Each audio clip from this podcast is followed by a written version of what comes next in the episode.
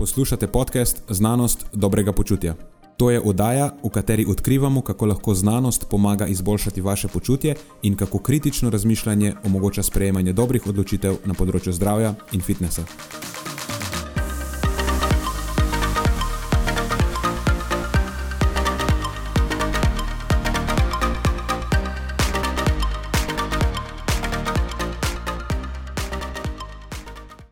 Tokratna epizoda je nadaljevanje afere, kako oceniti korektnost objave na družbenih omrežjih. To je tiste iz prejšnje epizode. Anže, eh, s katerega objavo smo se takrat ukvarjali, je medtem pripravil video odgovor.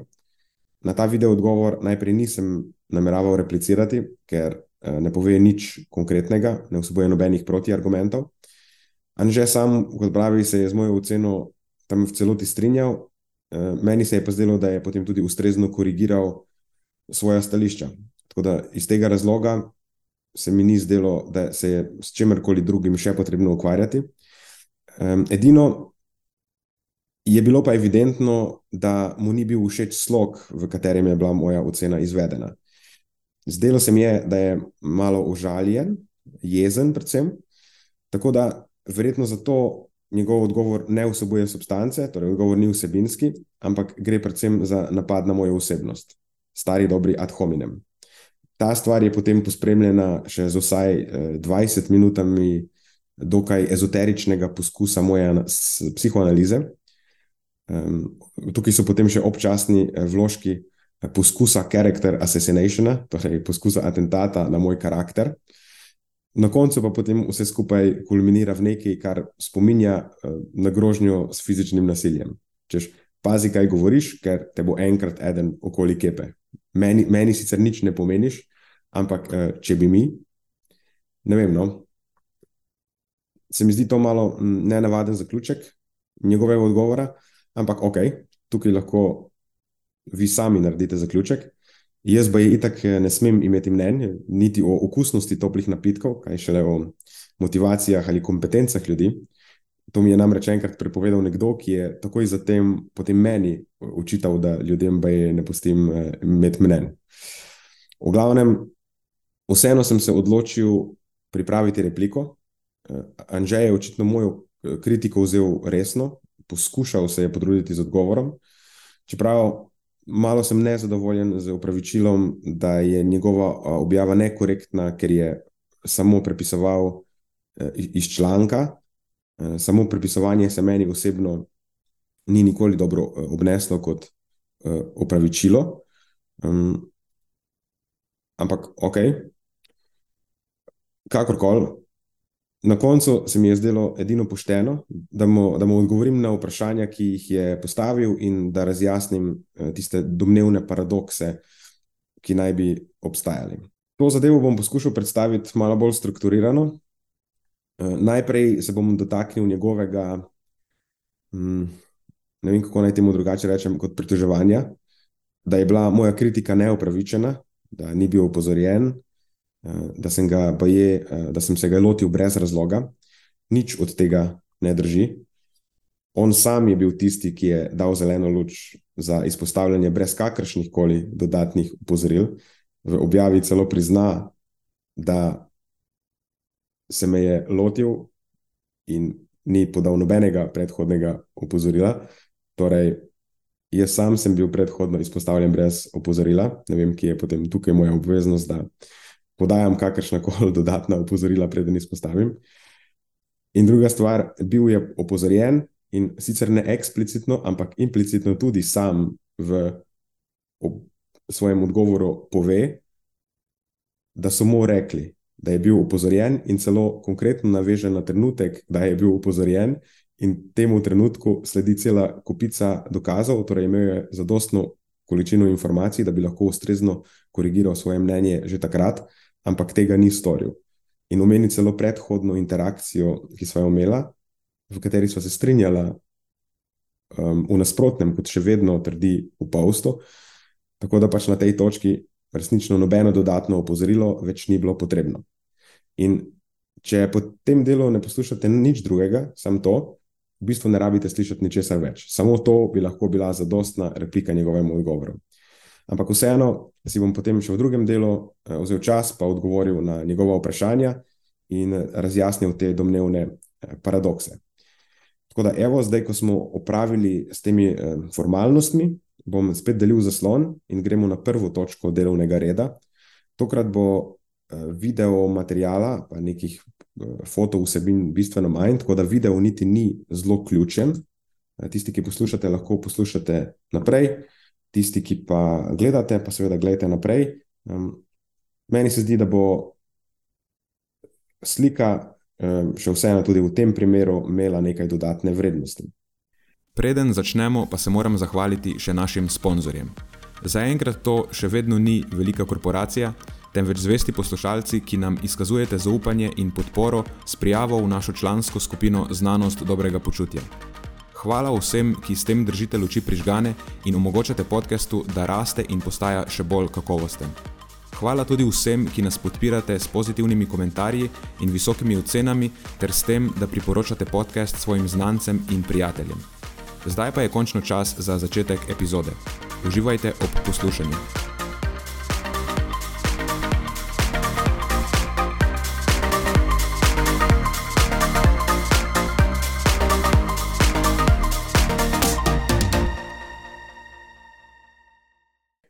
Evo, prva stvar je ta, da je Anže sam dal zeleno luč za izpostavljanje brez dodatnih opozoril, tako da ne more od mene zahtevati, da ga opozorim, preden ga izpostavim, če on sam tega ne upošteva. To je standard, ki ga je postavil on, ne jaz. Jaz nisem tega nikoli zahteval, niti ko me je izpostavil prvič, niti ko je to storil drugič. V glavnem, navezujem se na njegovo objavo kaj kaže literatura, še eno v seriji, z naslovom Kokosove olje in oralno zdravje. V njegovem odgovoru on sam pove, da je s to objavo želel pokazati, kako določeni science-based niso v resnici science-based. Torej, nekomu je očitno želel pokazati, da ima on prav, torej, da ima Anže prav, tisti, kateremu je pa želel to pokazati, pa se očitno moti. In glede na to, da sem jaz edini, ki je v tem času govoril o žvrkljanju kokosovega olja v povezavi z oralnim zdravjem, in da se celo spotakne ob um, cinizem, ki ni potreben. Jaz sem to storil v svojem značilnem, on temu pravi, ciničnem slogu. Je bilo vsem jasno, da se to navezuje name. Po domače, torej, ni želel pokazati, da določeni, ampak želel je pokazati, da jaz nimam prav, da ima on prav. In vsem je bilo jasno, za koga gre. Dokaz za to je spodaj v komentarjih. Eden izmed komentatorjev pravi: Cinizem ni potreben, kaj te nisi tegiral cele ekipe.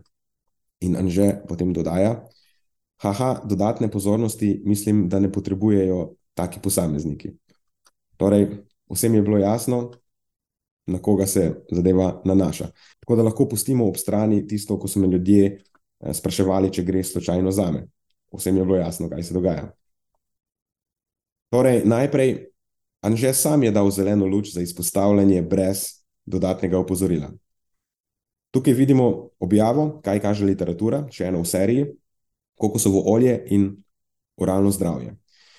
Anže v svojem odgovoru pove, da je želel s to objavo pokazati, kako določeni science-based, v resnici niso science-based. Torej, nekomu je želel pokazati, da on, Anže, ima prav, tisti drugi, ki pa je govoril nekaj o kokosovem olju, pa nima.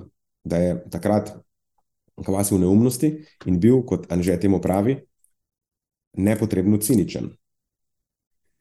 In glede na to, da sem v tem času samo jaz govoril o tej zadevi in da sem to naredil v svojem, Anže pač temu pravi, ciničnem slogu, je bilo vsem jasno, da tukaj ne gre za nekatere evidence-based, science-based, kot on pravi, ampak gre za mene. In to je bilo, to je bilo precej jasno, dokaz za to, da je bila zadeva zelo jasna, kljub temu, da me pač ni izpostavil z imenom in objavo. Je spodaj v komentarju, eden izmed komentatorjev pravi: Cinizem ni potreben, kaj te nisi tegiral cele ekipe. In Anžej odgovarja, haha, dodatne pozornosti mislim, da ne potrebujejo taki posamezniki. Tako da pod samo objavo obstaja dokaz, da so ljudje vedeli, zakaj se gre. Niti ne rabim omenjati potem vseh, ki so mene vprašali, ali je to slučajno namenjeno meni. In tega ni storil samo enkrat, to je storil dvakrat. To je prva objava, in če poskrolamo še malo nižje, to je druga objava. Torej, precej nenavadna strategija za nekoga, ki noče biti upadljiv. No, kakorkoli, jaz osebno ne bi imel nobenih težav s to objavo, če bi imel Anže dejansko prav, oziroma če bi literatura dejansko podpirala zaključek, da ima lahko kokosove olje kakršen koli, tudi če marginalen, ugoden učinek poleg ščetkanja. Nažalost, literatura tega ne podpira. Anže je dodal sistematičen pregled, v, v svojem odgovoru sicer domneva, da jaz tega nisem videl, ne vem zakaj, ampak ok. Torej, za dokaz je dodal sistematičen pregled, no, nažalost, ta sistematičen pregled ne podpira stališča, da ima kokosove olje kakršen koli ugoden učinek. Um, v bistvu ne podpira niti stališča, da ima kakršen koli ugoden učinek tudi brez ščetkanja, kaj šele s ščetkanjem. In zdaj lahko odpremo ta sistematičen pregled, se pomaknemo spodaj na razpredelnico z vključenimi raziskavami, vidimo, da so bile vključene štiri raziskave: Javhari in sodelavci, Kaušik in sodelavci, Nagila in sodelavci, Sezgin in sodelavci. Nagilo in sodelavci lahko takoj izključimo, ker niso, oziroma prepovedovali so ščetkanje. Torej, njihova raziskava ne more dajati podpore stališču, oziroma niso mogli ugotoviti, ali je kokosovo olje koristno ob ščetkanju, če ščetkanja sploh niso, če so ga prepovedali. Potem naslednji je Sezgin in sodelavci, kjer v razpredelnici sicer ne piše, da niso dovoljevali ščetkanja, ampak če odpremo njihov članek, piše: Subjects were then asked to refrain from all forms of tooth cleaning and to apply the rinsing regimen. During the four day period, the use of any other rinse, chewing gum, or toothpaste was not allowed. Torej, niso dovoljevali niti ščetkanja, v bistvu niti žvečenja žvečilnih gumijev. Vse je bilo prepovedano. Pomeni, da tudi sezgina in sodelavce moramo izključiti, če želimo postaviti trditev, da je žvrkljanje kokosovega olja koristno ob ščetkanju, ta raziskava torej ne pride v poštev. Jauharja in sodelavce, če se premaknemo v eno razpredelnico nižje, kjer so poročani rezultati, vidimo, da je tudi nekako nerelevantna za naš primer, oziroma nam ne more služiti kot dokaz za to trditev, da je žvrkljanje kokosovega olja ob ščetkanju kakorkoli koristno, um, ker ni bilo statistično značilnih rezultatov. In zanimivo, Primerjalna skupina je bila to, tukaj destilirana voda. Torej, niti v primerjavi z destilirano vodo, žvrkljanje kokosovega olja ni boljše. Na koncu nam ostane samo ena, ena sama raziskava, Kaušik in sodelavci. In če zdaj odpremo Kaušika, in če odpremo Kaušik in sodelavci, ta raziskava je merila samo eno zadevo, to je številčnost bakterij Streptococcus mutans. To je bakterija, ki je povezana z nastajanjem karijesa. In to je to. V tej raziskavi so sicer dovoljevali ščetkanje, ampak niso nadzorovali za ščetkanje. Ne vemo, koliko so ljudje dejansko ščetkali, koliko ne. Um, ampak ok, recimo, da predvidevamo, da, da, da so ščetkali redno, neka priporočila so podana pred ščetkanjem. Tako da, ok, recimo. Bolj zanimivo se mi zdi, če se premaknemo do rezultatov. Vidimo skupina A, to je skupina, z, ki je žvrkljala kokosovo olje, skupina B je bila skupina, ki je spirala z ustno vodico, skupina C je bila skupina, ki je uporabljala oziroma spirala samo z vodo. Če pogledamo srednje vrednosti številčnosti teh bakterij na začetku, je pri skupini A s kokosovim oljem 130. Po 14 dneh je padla na 100. Ampak zanimivo, po 14 dneh 100 je enako, oziroma podobno kot na začetku pri skupini C.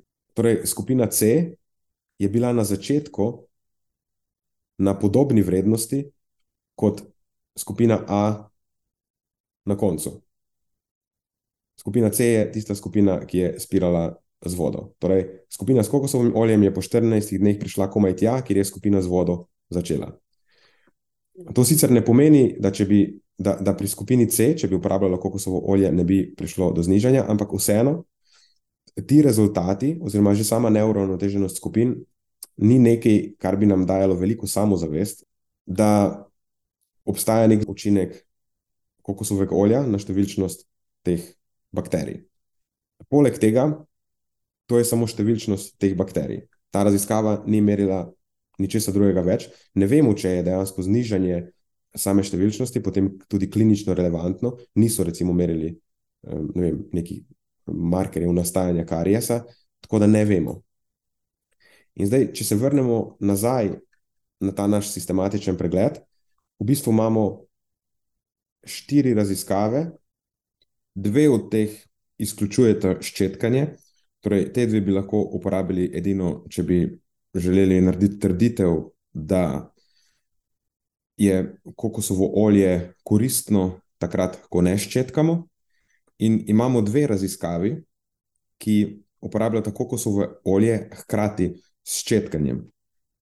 Prva od Jauharija ugotavlja, da takrat, ko ščetkamo, kokosovo olje nima nobenih dodatnih koristi. Druga od Kaušika pa ugotavlja samo, pa še to na precej slabih podatkih, z zelo šibkim zaključkom, da bi lahko prišlo do znižanja številčnosti, rečemo temu, negativnih bakterij.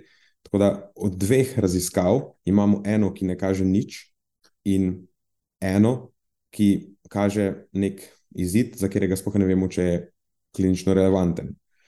Tako da to, po mojem, ni nekaj, o čemer bi se splačalo pisati domov. In potem, upoštevajoč vse to, torej tudi v primeru, da si ne ščetkamo, zaključek se nanaša na to, tudi v primeru, da ne ščetkamo, da upoštevamo, da ne bi ščetkali ali zbiramo med žvrkljanjem kokosovega olja ali ščetkanjem, pravi zaključek. This study has observed and highlighted the absence of high quality evidence in the literature subject to bias. Consequently, it is therefore difficult to determine whether oil pulling with coconut oil has an actual benefit. Torej, tudi če predvidevamo, da si ne bomo ščetkali, da bomo uporabljali samo kokosovo olje, za strategijo s kokosovim oljem nekako nimamo dobrih dokazov, na kateri bi lahko to strategijo utemeljili. Torej, ne gre se za to, da ima zadeva marginalen učinek in zakaj je ne bi priporočali, če ima marginalen učinek, gre se za to, da ne vemo, če ima kakršen koli učinek. In še ena stvar, ki tudi ni zanemarljiva, je, da z žvrkljanjem kokosovega olja je povezano tveganje. In pač v končnem izidu je to precej resno tveganje lipoidne pljučnice. Anže tam v svoji objavi pravi, da sicer veliko primerov ni uspel najti, oziroma da je uspel najti samo enega na ne, ne vem koliko letih. Tukaj so sicer citirani trije viri, v nekaterih od teh virov je um, tudi več case reportov, ampak ok, s tem se v bistvu niti nisem uh, preveč ukvarjal. Sicer drži, da je v večini primerov bila ta stvar povezana z nekimi disfunkcijami uh, pri, pri požiranju, oziroma um, se je zgodila pri ljudeh, ki imajo visoko tveganje za aspiracijo, ampak vseeno obstaja tveganje. Če želiš zadevo priporočati na splošno, torej kar tako, potem se moraš zavedati, da obstaja tveganje in podati tudi opozorilo. In še ena stvar, ki se meni osebno zdi bolj ključna, je razlika med absolutnim številom izidov in relativnim tveganjem. Namreč, ko se uh, učimo sklepati v tveganju, um, je to ena izmed uh, prvih stvari, ki se, ki, ki se jo uči, da ne rečem, da je osnovna. Torej, majhno absolutno število izidov še ne pomeni, da je relativno tveganje dejansko nizko. Ker samo vprašajmo se, koliko ljudi zaenkrat žvrkla kokosovo olje. Največ precej majhno število. Tako da ne moremo pričakovati, da, bo, da bo število ljudi prijavljenih v bolnišnico zaradi lipoidne pljučnice zaradi žvrklanja olja veliko. Ampak to je enako, ne moremo reči, da so poleti z raketami v vesolje, spoh recimo, če bi uporabljali neke starinske rakete izpred par desetletij, ne moremo reči, da so poleti s takimi raketami eh, varni, zato ker se ni veliko ljudi ponesrečilo. Ja, ni se jih veliko ponesrečilo, zato ker so bili ti poleti zelo redki. Če bi vsak dan veliko ljudi letelo s takimi starinskimi raketami v vesolje, bi bilo najbrž število ponesrečenih bistveno večje.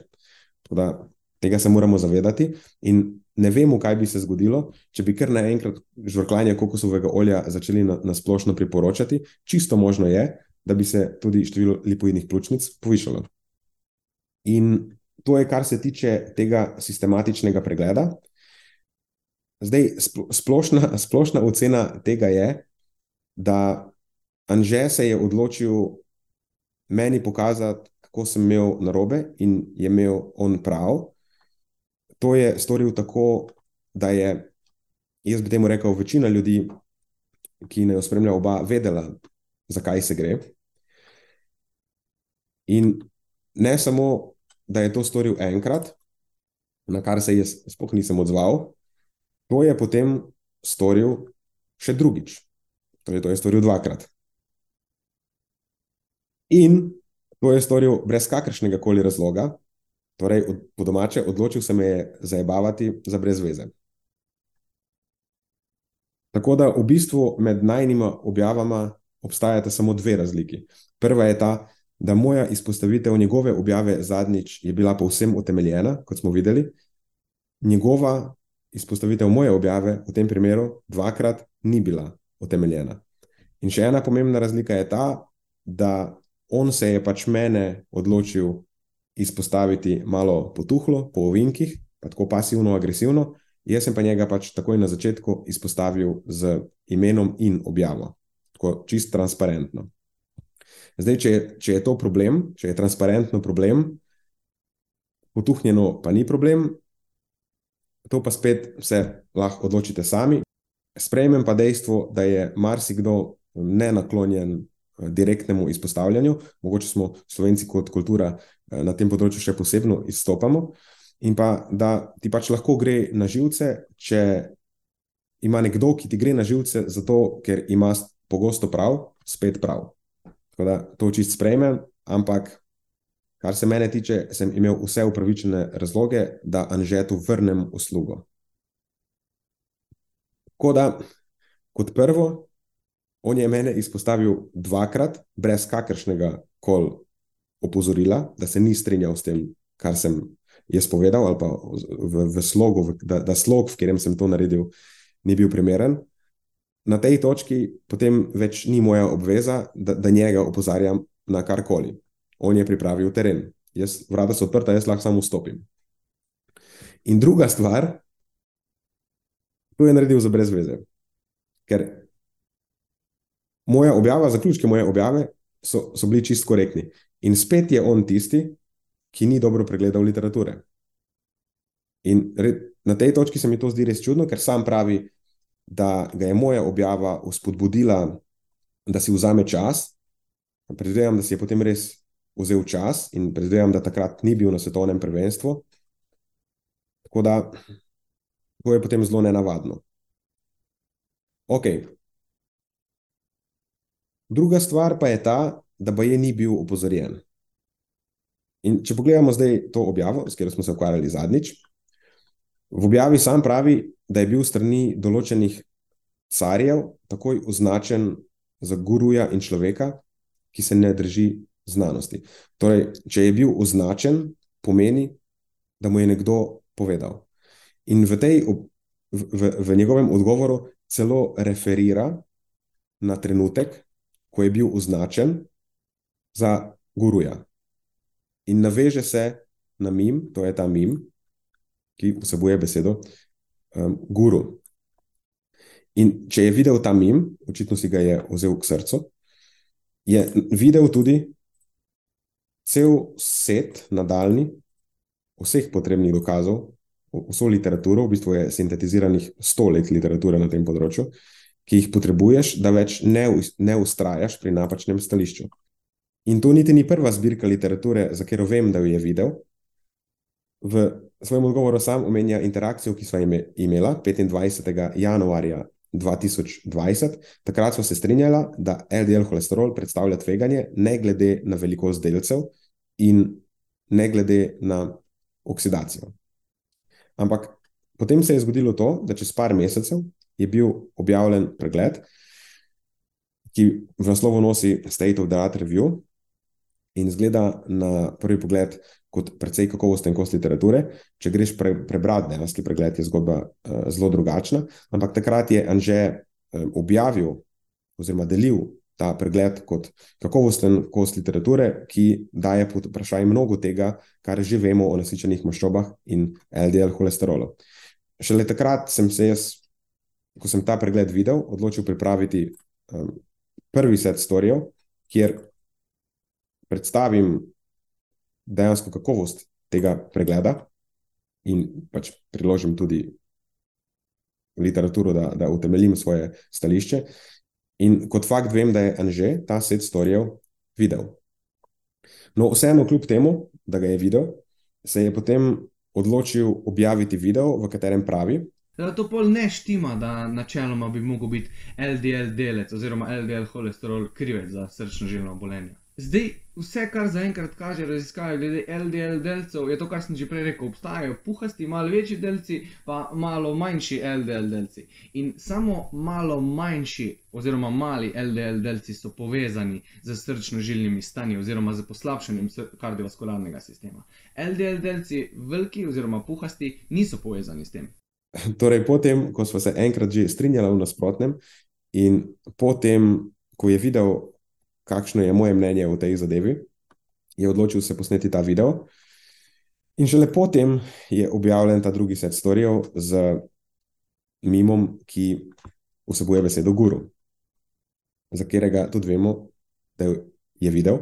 In takrat v objavi, ko sem prebral to objavo, mi je bilo zelo jasno, da se zaveda vsega tega, ve za najno interakcijo, ve, o čemer so se pogovarjala, in ve za vse ta storijev, če je bil označen v njih za guruja. Tako da na tej točki se meni ni zdelo vredno ničesar več dodatno opozarjati, sploh ker še vedno po vsem tem ustraja, da je LDL holesterol problem samo če pride do oksidacije delcev in je hkrati epitelij naših žil poškodovan. Sploh pa, če upoštevamo, da je on sam odprl vrata za izpostavljanje brez kakršnega koli dodatnega opozorila. Sicer pa, kar se tiče dodatnih opozoril, je, je vedno tako. Vedno je, zakaj me nisi opozoril še enkrat. Nikoli ni zadost. Zgodi se tudi, da ko nekoga vprašaš, zakaj misli tako, ali pa prosiš, da ti posreduje neke dokaze, lahko dobiš blok.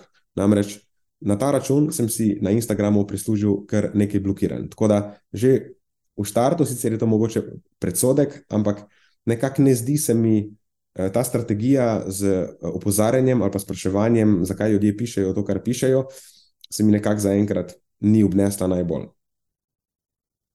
In kot pravim, nikoli ni zadost.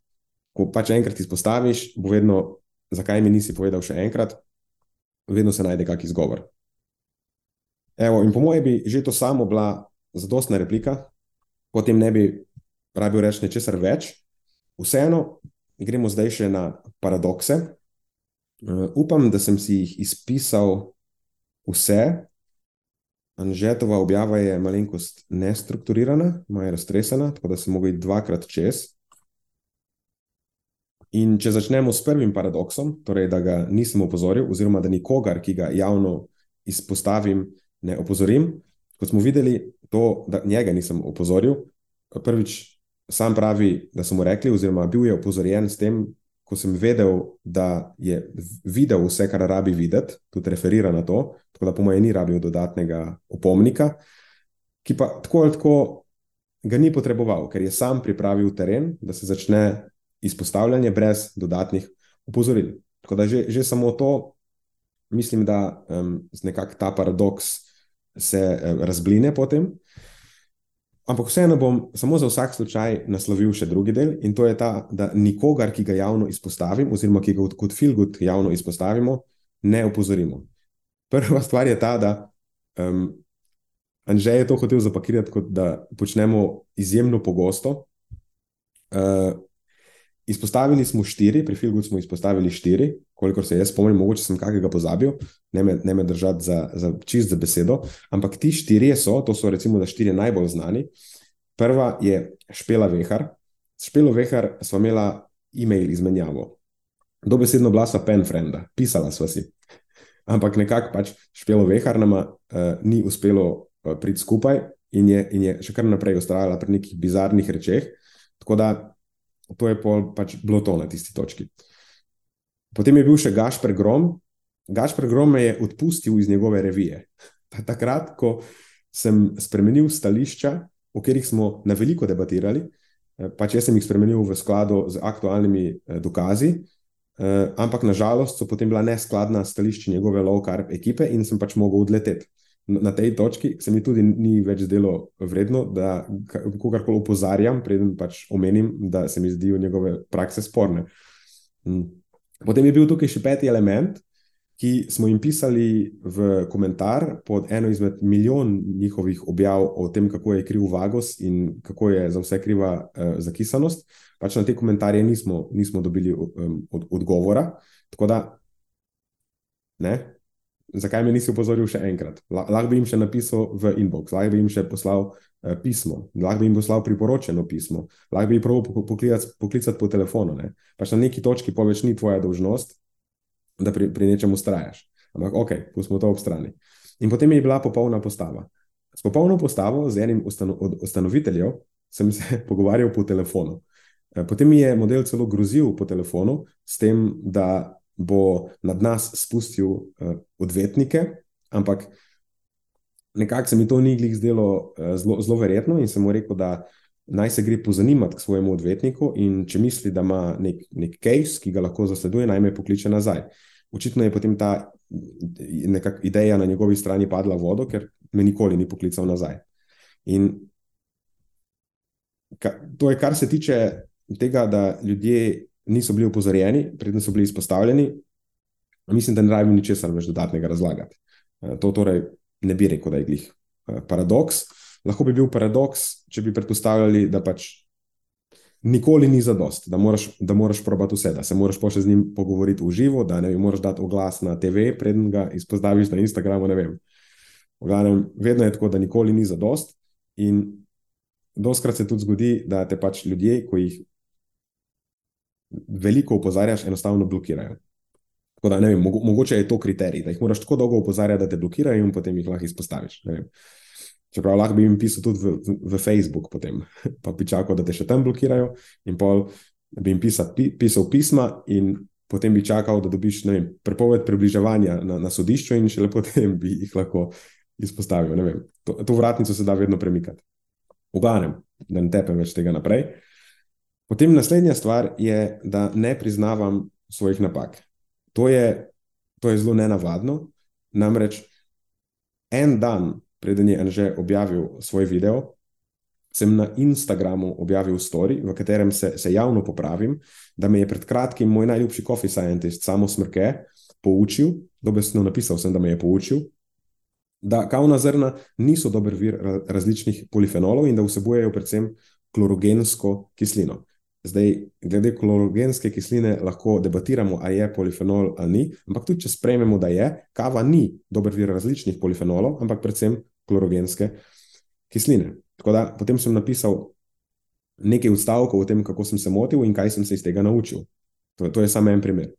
Potem um, še en primer, ki se je meni zelo vtisnil v spomin. Razumem, da Anže sicer za ta primer ne ve, ampak se mi zdi, da je precej eh, poveden, torej, torej ga bom delil z vami. Je, to je bilo um, že sicer precej časa nazaj na konferenci na medicinski fakulteti v Mariboru, in pred predavalnico polno bodočih zdravnikov. Uh, se mi zdi, da je to bila največja predavalnica, ki jo pač na tisti fakulteti imajo. Na predavanju so mimo grede sedeli tudi Nadarotovni Kozjek in kupenih drugih eminentnih gostov. Torej, pred polno predavalnico bodočih zdravnikov in mojih profesorjev sem povedal zgodbo, to je bilo po predavanju, ko sem govoril o ketogeni dieti. Sem povedal zgodbo, o tem, kako sem jaz bil nekoč najbolj goreč zagovornik ketogene diete in da sem o tem celo nekoč napisal članek, ki je bil res neumen članek. In me je bilo dolgo časa sram zaradi tega članka, ampak sem ga dolgo časa pustil tudi objavljenega, zato da sem se lahko uh, sam sebe venomer upominjal, kako sem bil nekoč neumen in kako me je sram, in tudi, da so drugi la, lahko tako videli. Tako da, ne vem, meni se zdi to kar, kar transparentno priznanje svojih napak. Ampak potem še tretja stvar, ki je morda še najbolj nenavadna v, v cej, tej celi situaciji. Za nekoga, ki reče, da posluša podcast, mi je res nenavadno, da ni poslušal 44. epizode, v kateri dobesedno 1 uro in 15 minut priznavamo naše največje napake in zmote na področju prehrane, vadbe in fitnesa. Torej, priznavanju svojih napak smo namenili celo epizodo podcasta. Sicer bi lahko posneli še eno, ampak ajš, na neki točki se mi pač zdi to posipanje uh, s pepelom malo brezpredmetno. Nima smisla, da vedno hodiš okoli in govoriš, kako si bil nekoč neumen in koliko napak si delal. Fajn je, da na to upozoriš takrat, ko je primerno, ko poskušaš biti transparenten, zgubi pa namen, če to delaš skozi. Plus še ena stvar je, da ja, pač zdaj je teh situacij v nedavni preteklosti bistveno manj, ker poskušam komunicirati precej eh, bolj zadržano in tudi s tem namenom, da bi se zaščitil pred delanjem novih napak. Tako da, to je, kar se tega tiče. Na tej točki, um, pač to po mojem, več ni paradoks, no? se lahko premaknemo naprej. Potem naslednja stvar je, da imajo ljudje, določeni ljudje, pa je slabo izkušnjo z mano. Da prehitro postanem uh, ciničen in, um, ali, ali sarkastičen, To bi rekel, da drži, se preveč je tukaj stvar debate, čisto subjektivno, ampak bi rekel, da drži, lahko hitro postanem ciničen in sarkastičen, ampak samo v enem primeru. Slabo izkušnjo z mano bodo imeli ljudje takrat, ko mi pridejo pridigat, že takoj na začetku prepričani, da imajo oni prav, doskrat celo brez, niti živijo, niti zdravo, uletim v eh, inbox, v direct message, pod komentar, kamorkoli, kar direktno, jaz imam prav, ti imaš narobe. In ne samo to, takrat, ko to naredijo brez upravičenega razloga. Torej, pridejo mi pridigat z nekimi mnenji ali pa stališči, ki so pač tako čist, ki vemo, da ne morejo držati.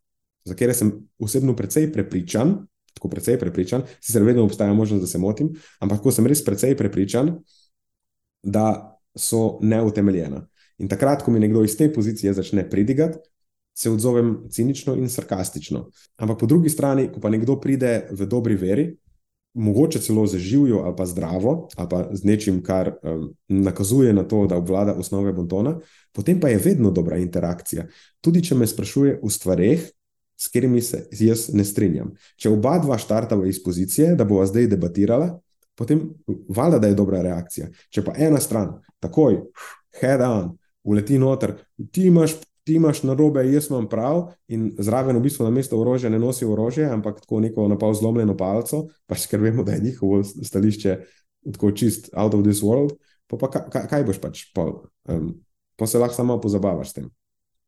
Um, zdaj, če temu um, hočeš reči paradoks, tudi prav, ampak ne, no, meni, meni se ne zdi, da to ustreza definiciji paradoksa. Naslednja stvar je ta, da jaz jim mislim, da ljudje ne bi smeli imeti mnen. Prvo kot prvo, tudi če jaz mislim, da ljudje ne bi smeli imeti mnen, tudi če bi bilo to res, to še ne pomeni, da bom jaz to lahko kakorkoli udejanjal. Jaz lahko mislim, da ljudje ne smejo imeti mnen in če zmeraj pač pustim, da ljudje imajo svoje mnenje. Vse v končni fazi to je, to je samo moje mnenje. In tudi to, če jaz to mislim, še ne izključuje možnosti, da jaz potem vsako mnenje, ne glede na to, kakršno koli je, še vedno obravnavam kot eno mnenje, vsako posebej. Ampak pustimo to, ker dejansko to ni nekaj, kar jaz mislim. Sem precej prepričan, da se Anže uh, navezuje na epizodo 64 in iz tiste epizode je ta izjava vzeta iz konteksta. Epizoda ima naslov: Vsak ima pravico do svojega mnenja. In tam smo se pogovarjali o učnem procesu. In rekel sem, da znotraj učnega procesa učitelj nima pravice do svojega mnenja, ampak ima dolžnost, da učencem prenaša stališča, ki so utemeljena s dokazi.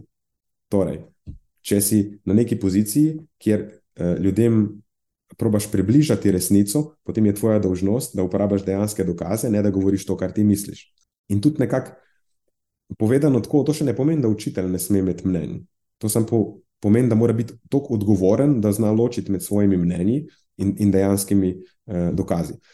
Ampak, ok, če je ta semantika edino neskladje, ki ga je Anže v moji komunikaciji našel, potem, potem je to v bistvu super. Naslednja stvar, ki naj bi bila domnevno paradoks, je potem to, da sem jaz priporočal glicin in kreatin, takrat, ko sem imel zlomljeno ključnico. In zakaj imam pol proti, kaj proti kokosovemu olju? Zdaj smo videli, da sta to dve zelo različni zadevi. Prvič, glicin in kreatin nista nevarna, in poleg tega, da nista nevarna, imata še kupico drugih ugodnih učinkov. Torej, tudi če ne delujete za ščitnico, sta lahko koristna za neke druge aspekte našega zdravja, a pa v končni fazi za performance, sploh kreatin, za glicin mogoče ne. Po drugi strani imamo kokosovo olje, ki niti brez ščetkanja nima pokazanih ugodnih učinkov, plus tega obstaja nevarnost. Tudi če majhna nevarnost, obstaja nevarnost. Tako da to sta dve popolnoma različni zadevi. In še ena stvar je, jaz nisem tega priporočal, to nikjer ni bilo podano kot priporočilo, pač rekel sem, da je to nekaj, kar jaz delam. Tako da priporočilo in to, kar jaz delam, sta dve zelo različni zadevi. Ker vsak pač dela stvari tako, kot so najbolj usklajene z njegovo lestvico prioritet. In zato recimo tudi zdravniki doskrat ne počnejo tega, kar vejo, da je najbolj ugodno za njihovo zdravje. Recimo imajo prekomerno telesno maso ali pa kadijo ali pa počnejo še bove kaj drugega, zato ker pač so si rekli, ok, uživanje v življenju je zdaj meni na višji stopnički kot moje zdravje. In se bom pač ravnal tako, da bom maksimiziral uživanje, ne zdravje. Tako da oni še zmeraj vejo, kaj je najboljše za njihovo zdravje, in je prav, da komunicirajo, kaj je najboljše za njihovo zdravje, ampak ne nujno, da to počnejo, ker mogoče pač zdravja v nekem trenutku ne, ne, ne prakticirajo. Tako da je res, ne samo da je iluzorno pričakovati, da bodo vsi izvajali vse svoje nasvete, da jih bodo vedno udejanjali v praksi, ampak je tudi nesmiselno pričakovati, da boš vse, kar tako svetuješ na splošno, izvajal tudi v praksi, in obratno, vse to, kar izvajaš v praksi, še ne pomeni, da boš direktno pretvarjal v nasvete. Mislim, meni se zdi to precej jasno. Če, če, tega, če teh dveh zadev nekdo ne more ločiti, um, ne vem, Mi je še zadnja stvar, kava z maslom proti Sladoled Diet. Tukaj na tej točki sem res kar nekaj časa razmišljal, ali hočem to stvar sploh vključiti, ker prvo kot prvo, The Sladoled Diet. Mislim, da že samo ime nekako namiguje, meni se je zdelo precej očitno, da je The Sladoled Diet šala. Moja interpretacija tega je, da gre za neko eh, satiro ali pa provokacijo Eh, dietne kulture in clean eatinga. Ampak, če prej ni bilo jasno, sem da povem, v osnovi je da sladoled diet šala. Ampak vseeno je bil moj namen da sladoled diet satiro približati, da je možno tudi sladoled vključiti v neko ravnoteženo prehrano. In tudi, če upoštevamo, da je da sladoled diet resnična, pač to ne spremeni dejstva, da je možno sladoled uživati vsak dan, v kontekstu uravnotežene prehrane, ki ima sladoledu na kljub vnos energije iz nasičenih maščob nižji od 10 odstotkov skupnega energijskega vnosa.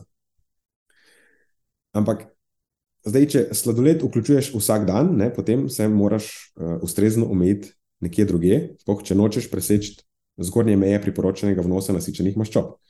Potem najbrž nimaš. Če zdaj govorimo o kavi z maslom, nimaš veliko prostora še za kavo z maslom, ali pa neke druge stvari. In Glede na to, da Anžetove stranke boje pogosto vključujejo eh, sladoled, potem vsekakor upam, da jim aktivno odsvetuje kavo z maslom, ker sladoled plus kava z maslom, to zna biti že precej, precej spolsko uh, pobočje. Kar se tiče pa same kave z maslom, še vedno mislim, da je to slaba ideja in ne vidim razloga, zakaj bi kdo dajal maslo v kavo. Dopuščam možnost, da je to komu okusno, če vam je to okusno, potem ok, be my guest. Ampak res težko verjamem, da je kava z maslom bolj okusna recimo, od kave s smetano ali pa z mlekom. In poleg tega, tudi če je v kavi samo ena žlička masla in, in spijemo samo eno tako kavo na dan, je to za večino verjetno še vedno žlička masla za brez veze. Po drugi strani pri sladoledu, mislim, da se nas vsaj večina strinja, da je sladoled najboljša sladica na svetu, ali pa ok, mogoče če ni najboljša sladica na svetu, da je med to pet. In potem, če moramo zbirati med kavo z maslom ali pa sladoledom, ne vem, no, tukaj se lahko vsak sam odloči. Eh, vsekakor dopuščam, da uh, ima svoje mnenje. Um, sam, meni se zdi, da ne, vsaj jaz bom na mesto kave z maslom, uh, z žličko masla, vedno raje izbral črno kavo in pol kepice mlečnega sladoleda. Pol kepice v tem primeru zato, da bo ekvivalentna porcija nasičenih maščob. In tudi v tem primeru se mi ne, ne zdi, da tukaj gre za kakršen koli paradoks, ker kava z maslom je nekaj, kar v česar nimaš nobene dodatne koristi. Ok, mogoče je komu okusno, ampak kakšno je dejansko število ljudi, ki si želijo vključiti kavo z maslom v prehrano. Po drugi strani imaš pa sladoled, za katerega si večina ljudi prizadeva, da bi ga lahko pogosteje vključila v prehrano, ampak tega ne stori zato, ker se ga boji ali ker misli, da je, da je nezdrav in tako naprej. Tako da spet, če je to paradoks, lahko sprejmem tudi to. Evo, in za konec lahko naredimo zaključek s povzetkom. Torej, Anže nima nobenega razloga, da se počuti napaden, ker je bil on tisti, ki je dal zeleno luč za izpostavljanje brez predhodnega opozorila. On je odprl vrata, jaz sem samo stopil skozi. In ne moreš zahtevati od mene, da spoštujem neka tvoja pravila, če jih ti ne upoštevaš. Torej, Anže je tisti, ki je rekel, da je primerno najprej upozoriti, preden se koga izpostavi. Tako da ne razumem, zakaj sam on najprej tega ni upošteval. In pa bi bilo mogoče celo smiselno tudi od mene pričakovati, da upoštevam pravila, ki jih je postavil on, ne jaz. Jaz nisem nikdar zahteval, da me kdo kol uh, opozori, preden me izpostavi. Namreč prvič, ko je Anže objavil tisto objavo o kokosovem olju, nisem, nisem nič jokal posebej. In druga stvar, sam pove, da mu je bilo povedano, referira na tisti mim, ki je bil označen za guruja, in tam vidimo, da je bilo sintetiziranih sto let znanstvene literature na tem področju, ki jih je videl. In jaz, ko sem videl ono objavo, sem videl, da je zadevo videl. Um, tako da na, na, pač na tej točki se mi res ni zdelo, da kdorkoli potrebuje kakršno koli dodatno opozorilo. V drugem delu pa smo se podotaknili še teh paradoksov, prvi paradoks, da ni bil opozorjen, mislim, da to je pač zdaj že non-issue. Um, ne samo, da je bil opozorjen, um, ampak ni, ni rabo biti dodatno opozorjen. To, da ne dajemo drugim opozoril, spet ne drži. Uh, večinoma, ne bom rekel vse, obstaja možnost, da se je kdaj zgodilo, ampak večinoma ob, vedno potem predtem obstaja neka interakcija, po kateri sem se jaz pač odločil ali pa kdorkoli od nas da pač dodatno upozorilo je, je nesmiselno, ker vedno ti bo nekdo rekel, zakaj me nisi upozoril še enkrat, ali pa ne vem, našel nekih drugih načinov. Um, potem naslednji je bil, da ne priznavam svojih napak. Tukaj tudi mislim, da je bilo precej jasno, da svoje napake ne samo jaz, ampak cela Filgot ekipa priznavamo zelo transparentno in se pogosto o njih pogovarjamo. Naslednje je bilo, da jaz mislim, da ljudje ne bi smeli imeti mnen, to, to smo videli, da ne drži, da je vzeto iz konteksta. Kar jaz mislim, je samo to, da nekdo, ki je na, na poziciji, sploh znotraj nekega učnega procesa, kjer druge uči o nečem, on nima pravice, da jih uči o mnenjih, ampak ima dožnost, da jih uči v skladu s tem, kar pravijo najbolj aktualni dokazi. Torej, da je njegovo učenje usklajeno s težo dokazov. Potem tista, da imajo določeni ljudje slabo izkušnjo z mano, ker sem boje preveč ciničen ali pa sarkastičen. To velja samo v primerih, ko nekdo mi pride pridigat brez utemeljenega razloga. Drugače imamo čisto lepo interakcijo.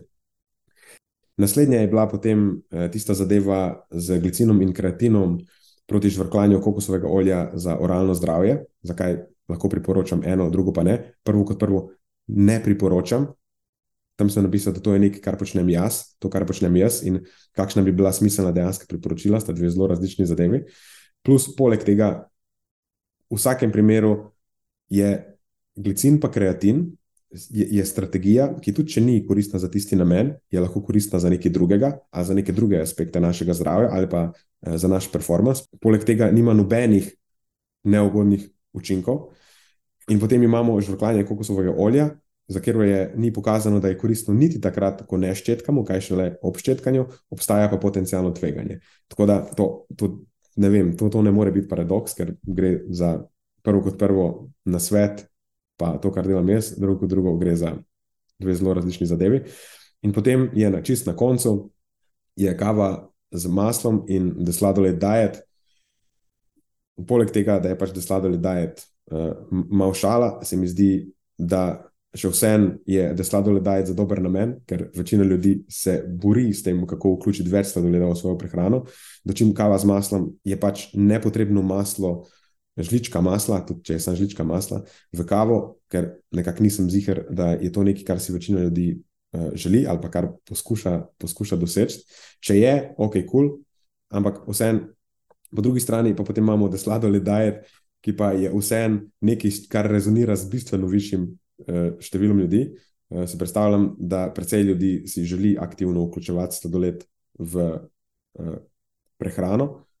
In še enkrat, na eni strani govorimo o odvečnem maslu v prehrani, kar za brez veze poviša vnos nasi, naših nasičenih maščob, in da sladoled daje, ki pa ne govori nič o tem, da nasičene maščobe v sladoledu niso problematične, ko so v višku, ampak vsem spodbuja uživanje sladoleda in potem prilagajanje stvari tako, da še lahko zmeraj ustrezaš tistemu priporočenemu vnosu nasičenih maščob, ki je pod 10 odstotkov um, skupnega energijskega vnosa. Tako da tudi to bi težko kakorkoli opredelili kot paradoks. In na tej točki, I rest my case.